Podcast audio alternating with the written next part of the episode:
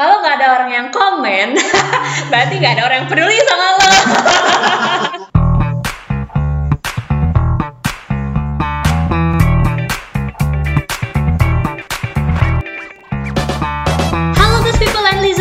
kembali lagi bersama saya Rizka Ritvi yang akan menemani waktu mendengarkan teman-teman semua di mana pun berada.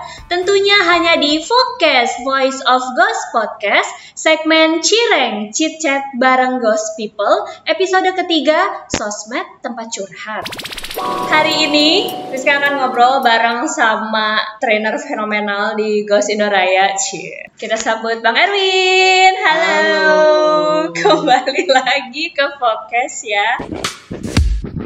Sebenarnya ini topiknya udah biasa lah ya. Apalagi kita udah familiar banget sama namanya sosial media. WhatsApp, Instagram, Twitter, Facebook, YouTube, TikTok sekarang yang baru. Selain kita ngelihat konten-konten yang lucu, inspiratif, kita bisa lihat belahan bumi bagian yang mana gitu kan hanya dengan di layar ponsel. Tapi unik nih, ternyata sosial media itu punya fungsi lain juga, yaitu sebagai tempat curhat.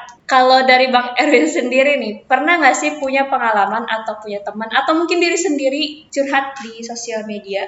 Kalau gue sih sebenarnya dulu ya curhat tuh sering banget tuh masih kuliah di Facebook gitu. Itu tempat curhat banget kalau kalau anak muda lah gitu. cuman ya sudah kerja terutama itu sudah berkurang jauh karena merasa bahwa ya identitas kita kan terlihat ya dari apa yang kita tulis di sosial media gitu Betul. apa yang kita tampilkan di sosial media itu mau tidak mau itu akan jadi gambaran diri kita gitu Mhm. jadi akhirnya mulai dari saat itu tuh mulai membatasi lah Sekarang udah diminimalisir ya. nggak curhat-curhat lagi gitu. takut takut ketahuan eh, ini orang tuh sebenarnya kayak gimana sih? Gitu. Karena sebenarnya apa yang kita posting di sosial media itu kurang lebih gitu menggambarkan apa yang ada di kepala kita apa yang ada di dalam hati kita gitu kan. Dan kepribadian kita bahkan bisa dengan mudahnya gitu kita melihat dari status-status WA, Instagram dan sebagainya. Di beberapa orang mungkin curhat di sosial media itu dianggap sebagai bentuk ekspresi diri Mhm, gitu ya. Tapi kalau di ranah profesional yang gue tahu itu akan menjadi catatan tersendiri. Baik yang misalnya kayak mau lamar kerja nih. gitu. Nah kan seperti yang kita tahu bersama gitu ya. Jadi sekarang rekruter-rekruter itu bukan hanya lihat dari CV, dia Betul lihat juga dari sosial media. Akan sangat berpengaruh banget kalau misalnya curhatnya ya isinya masalah terus, masalah terus ya. masalah terus ya aja panjang. Jadi masalah terus. Jadi kayaknya tuh hidupnya nggak happy gitu loh. Semakin sering orang itu mengupload suatu hal mungkin itu yang terjadi di real life ya dia. Ini ya kadang-kadang itu yang gua rasakan juga gitu. Hal itu tuh kadang ya susah dikontrol juga ya. Karena kalau memang udah kena mental tuh ya anak sekarang ngomongnya gitu. Kena mental. Mental issue ya. Iya udah kalau udah kena mental tuh udah pasti tangan tuh udah bergerak sendiri gitu. Karena udah nggak tahu lagi mau ngomong ke mana kan. Sebenarnya itu sih yang gue lihat di lingkungan pribadi maupun lingkungan global gitu. Kenapa sih orang-orang itu akhirnya termasuk Rizka mungkin ya. Sometimes nulis nulis status yang berisikan gue capek lah gitu-gitu ya. Gue lelah lah atau kayaknya gue butuh rehat dan pokoknya isinya curhat gitu karena saat itu kita nggak tahu dan di pikiran kita tuh nggak punya pilihan lain untuk curhat ke pihak yang bisa kita percaya. Nah, akhirnya shortcutnya adalah kita nulis di status. Kalau dipikir-pikir nih ya, dulu zaman dulu ya hmm, apa ya bilang baby boomers gitu ya. Pokoknya di atas milenial atau di atas Gen Z mereka bisa tuh tetap apa Hidup. ya cerita iya bisa tetap hidup tanpa, tulis status gitu. iya, mungkin sudah ada contohnya dari banyak orang dan Hmm. kemudian dia lihat ditambah kondisinya dia juga yang sendiri tidak tahu harus ke mana gitu ya. Nah itu yang menyebabkan orang tuh akhirnya oh ada nih ternyata bisa curhat juga ya. Ya udah deh gue curhat aja deh gitu. Jadi ngikutin apa yang ada sebenarnya gitu ya. benar kan dia pasti ngeliat contoh kan Iya benar juga. Orang cenderung mengikuti apa yang orang lain lakukan itu yang Hmm. halayak umum lakukan. seperti juga yang kita ketahui bersama bahwa sosial media itu kan ada positif impact ada negatif impact juga Iya, betul. Yang itu yang harusnya kita sadari informasi dengan segala macam bisa kita ikuti. Cuman di lain sisi yang harusnya kita juga pelajari adalah ya salah satunya adalah ya, curhat sembarangan aja di sosmed. Itu membuat image, jadi turun. aja gitu. Bener bener bener. Tapi kalau misalkan curhat itu sekali-sekali menurut Ska sih nggak apa-apa ya, asal Iya. sering-sering. Karena setiap orang tuh kan ya bebas lah menggunakan sosial media gitu. Betul. Tapi kalau misalnya keterusan itu juga akan jadi Itu tanda. toxic sih. Iya sih? Iya benar benar benar. Tapi pernah nggak sih Bang Erwin nge-mute atau membisukan status orang entah itu di WhatsApp, di Instagram? banyak gue tuh sering banget mute terutama dia yang bentuknya tuh toxic. Kadang-kadang tuh orang tuh nggak sadar loh membaca gitu mendengar itu tuh dia pelan masuk tuh ya. Tapi itu mengotori pikiran.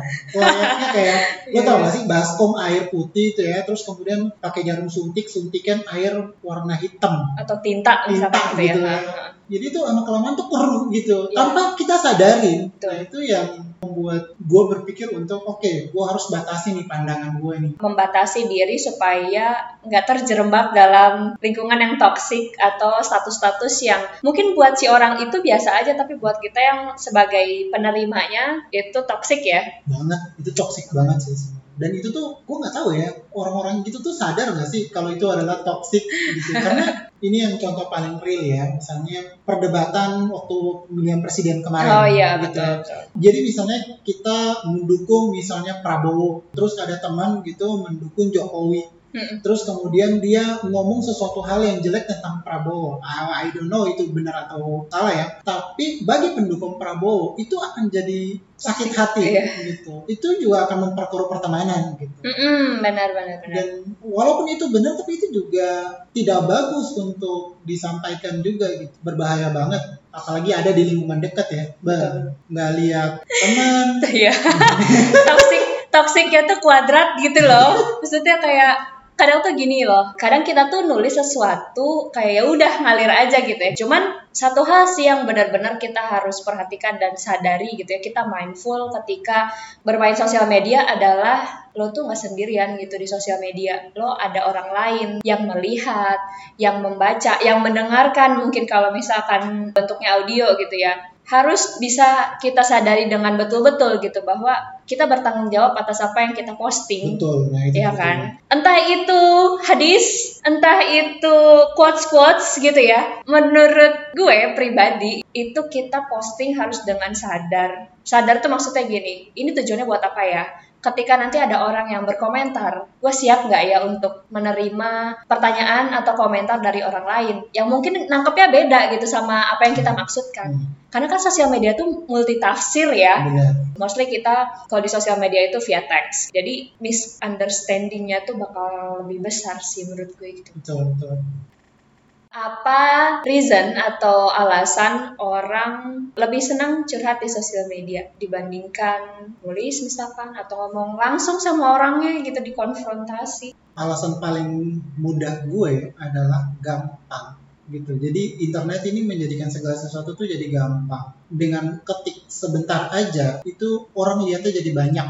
Nah, dengan asas kegampangan ini jadi membuat orang tuh dengan mudah curhat di sosial media. Yang kedua adalah dia mungkin nggak tahu mau ke mana ya. Sebenarnya masih banyak sih kalau dia nggak mau terlihat dia bisa menggunakan tulisan di komputernya dia misalnya Mhm, gitu atau di notes gitu ya, di notes, atau handphone. tulis di book misalnya buku Iya. diary dia Ya, misalnya kalau dia benar. punya diary ya itu bisa dilakukan tapi kan dia melakukan di sosmed sebenarnya orang mencurhat di sosmed biar terlihat sih Iya ya, eksistensi ya. Nah, sekarang kalau misalkan dibayangin gitu ya, kita lagi mumet, terus otak kita udah mode shutdown gitu ya. Ya, masuk akal sih hal yang paling gampang, yang paling otomatis kita lakukan adalah ambil HP, tulis sesuatu, posting. Gak sedikit orang-orang yang akhirnya membaca status kita tadi itu, yang tadinya baik-baik aja, dia akan merasa, ih kayaknya ini buat gue deh. Apa bener ya? Jadi kesejahteraan orang lain tuh terganggu juga gitu gara-gara status kita gitu. Kadang kita harus sadar juga bahwa apa yang kita posting itu mengganggu atau tidak sih ke kesejahteraan orang lain. mereka sadar nggak sih Enggak. Kayaknya nggak sadar sih. Atau mungkin sadar tapi lebih besar motivasi untuk terlihatnya dibandingkan memikirkan kesejahteraan mental orang lain atau menunjukkan power juga bisa. Bisa. Tadi lu kan bahas otak ya. Otak tuh pada dasarnya tuh dia pengen cari yang gampangnya gimana. Yes, benar. Kayak waktu pembahasan kita di habit kemarin Iya, ya. iya. Apabila pilihan paling gampang digabungkan dengan ekspresikan diri atau ingin menunjuki dirinya seperti Menunjukkan, apa, hmm. jadinya surat di sosmed itu yang paling mudah. Padahal sebenarnya nggak jauh beda sih kayak kalau kita nulis di HP di notes gitu ya. Cuman bedanya kalau di notes nggak diposting, kalau di sosmed kan diposting. Iya. Perbedaannya di situ aja. Coba kalau misalkan mau diubah gitu, mungkin bisa kali ya dari yang tadinya di status WA diubah ke notes gitu. Bisa. Nah, nggak terlihat kan. Berarti Iya kan sih benar. Ada motif lain Iya, itu tadi ya. Ada, ada kesimpulan perpaduan antara asas gampangnya ini Hmm. dengan ini- Eksistensi tadi ya. eksistensi diri. Jadilah kayak gitu. pernah baca juga Rizka di salah satu inilah website psikologi gitu katanya kenapa orang akhirnya curhat di sosmed karena dia ingin divalidasi perasaannya oleh orang lain. Jadi kadang tuh kita secara nggak sadar gitu ya Rizka berkaca sama diri Rizka sendiri gitu ya. Ketika Rizka nulis status di Instagram misalkan karena banyaknya sih Rizka di Instagram gitu ya. Ada perasaan ingin orang lain tuh komen terus akhirnya ngasih semangat atau kayak ya udah nggak apa-apa lo istirahat aja dulu gitu-gitu loh. Tapi kalau nggak komen gitu, menurut lu gimana? nah kalau nggak ada orang yang komen berarti nggak ada orang yang peduli sama lo. Udah itu clear Pokoknya itu debat. kalau nggak ada yang komen tuh dua banyak orang. eh, kenapa tuh? Tidak mereka empati sama lo atau mereka memang ya udah mati aja lu sekarang. tapi kalau empati sih harusnya mereka komen ya gitu. Tapi komennya komentar-komentar yang netral bukan memvalidasi perasaan lo aja tapi memberikan alternatif alternatif lain gitu yang bisa kita lakukan hal yang bisa kita lakukan adalah lebih aware ya sama diri sendiri ketika menggunakan sosial media Lebih bijak. lebih bijak betul. Memang sih kita punya kebebasan berpendapat dan sosial media itu adalah ya punya diri kita sendiri gitu. Kita Betul. punya hak ngapa-ngapain aja, posting apa pun. Tapi jangan lupa bahwa kita tuh hidup selalu berdampingan sama orang lain. Berarti kalau misalnya nggak kayak gitu nggak bijaksana tuh ya. Kurang bijaksana menurut ini kan menurut pendapat gue pribadi dulu sih. ya, ini pendapat kita ya. Iya, iya. No no hard feeling ya, no hard feeling. Kalau yang sependapat, oke kita tos lah. Tapi kalau yang nggak sependapat ya nggak apa-apa. Semua orang punya pendapatnya masing-masing gitu. So, Gue tuh sering mendengar, eh, bukan sering mendengar ya, sering melihat curhat-curhat orang, Mhm. tapi dalam versi yang bagus di Kayak LinkedIn. gimana tuh? Oh, oh, Di LinkedIn. LinkedIn. Jadi itu ibaratnya mereka tuh seperti curhat, Mm-mm. tapi dalam paparan yang lebih akademis. Hmm. Misalnya permasalahan yang berada di kantor, tapi dibahas secara komprehensif melalui kajian-kajian atau Oh, jurnal-jurnal gitu. Misalnya kayak perilaku-perilaku yang tidak sesuai di kantor, tidak suka sama rekan kerja, tidak suka dengan hal-hal apa pun. Coba cari literasinya, kajiannya, dan kemudian paparin dengan pemaparan yang lebih lebih Objektif berbobot, lah lebih gitu ya. positif gitu. Dan itu lebih bagus menurut gue. Iya iya, daripada kita terus-terusan ngeluh gitu ya. Sometimes kita juga perlu untuk berkontemplasi gitu ya. Atau bahasa sederhananya kita mengevaluasi diri. Ketika kita punya masalah, kita mau nulis sesuatu hal, mungkin kita bisa cari tahu dulu ini gua kayak gini tuh kenapa ya? Coba browsing-browsing dulu ah gitu ya. Apakah yang gue rasakan ini wajar atau enggak gitu. Ya oke lah, ketika kita sedih atau kecewa nggak mungkin se-aware itu gitu ya kita untuk nganalisis-nganalisis. Cuman coba untuk ngerem diri sendiri ketika mau posting sesuatu hal. Bukannya kita berusaha untuk fake ya, tapi kita mengemas apa yang kita rasakan itu ke halayak umum dengan cara yang baik. Entah itu dengan menganalisa gitu ya, atau bisa juga dengan kita buka ruang diskusi sih bang. Kayak kalau misalkan di, di gue nih di Instagram, kadang ketika gue lagi insecure insecure atau gue lagi ngerasa suatu kondisi emosi yang menurut gue gue kayaknya susah untuk deal with that gitu. Gue akhirnya buka ruang diskusi sih. Sebenarnya itu adalah salah satu cara gue untuk daripada gue fokus sama energi negatif gue gitu eh, emosi-emosi yang kurang baik di dalam diri gue mending gue coba untuk sharing gitu, sharing tapi mendengarkan perspektif orang juga gitu terhadap permasalahan gue. Validasinya dapat, eksistensinya dapat, tapi edukasinya juga dapat. Mungkin itu better ways ya, lebih nice lah ya dibandingkan kita hanya cuman tulis tulis tulis tulis, akhirnya kita menyinggung orang yang nggak seharusnya kita mau singgung. bagus banget bagi kita kita yang sebenarnya sudah punya profile secara Mhm, profesional ya Betul, betul, kecuali betul. kalau misalnya somewhere dia di mana gitu yang dia nggak peduli dengan orang ya terserah dia lah gitu tapi bagi kita sendiri gitu itu akan memberikan citra gitu. Betul, betul. apalagi kita membawa misalnya kerja di mana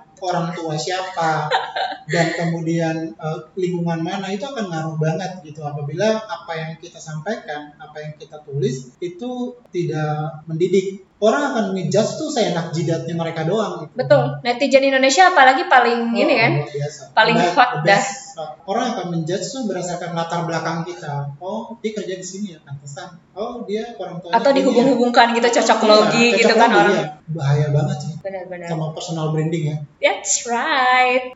Jangan sampai lupa bahwa kita tuh punya peran di real life tuh yang nggak main-main gitu loh. Apalagi misalkan gitu ya, lo adalah seorang founders apa atau lo seorang CEO dari apa atau mungkin simply lo bekerja di satu perusahaan tertentu gitu kan. Terus yang lo posting adalah mostly gitu ya atau 80% 60% tentang keluhan lo di pekerjaan. Kita harus hati-hati. Siapa tahu dari salah satu followers atau kontak kita punya niat jahat ya. Hmm.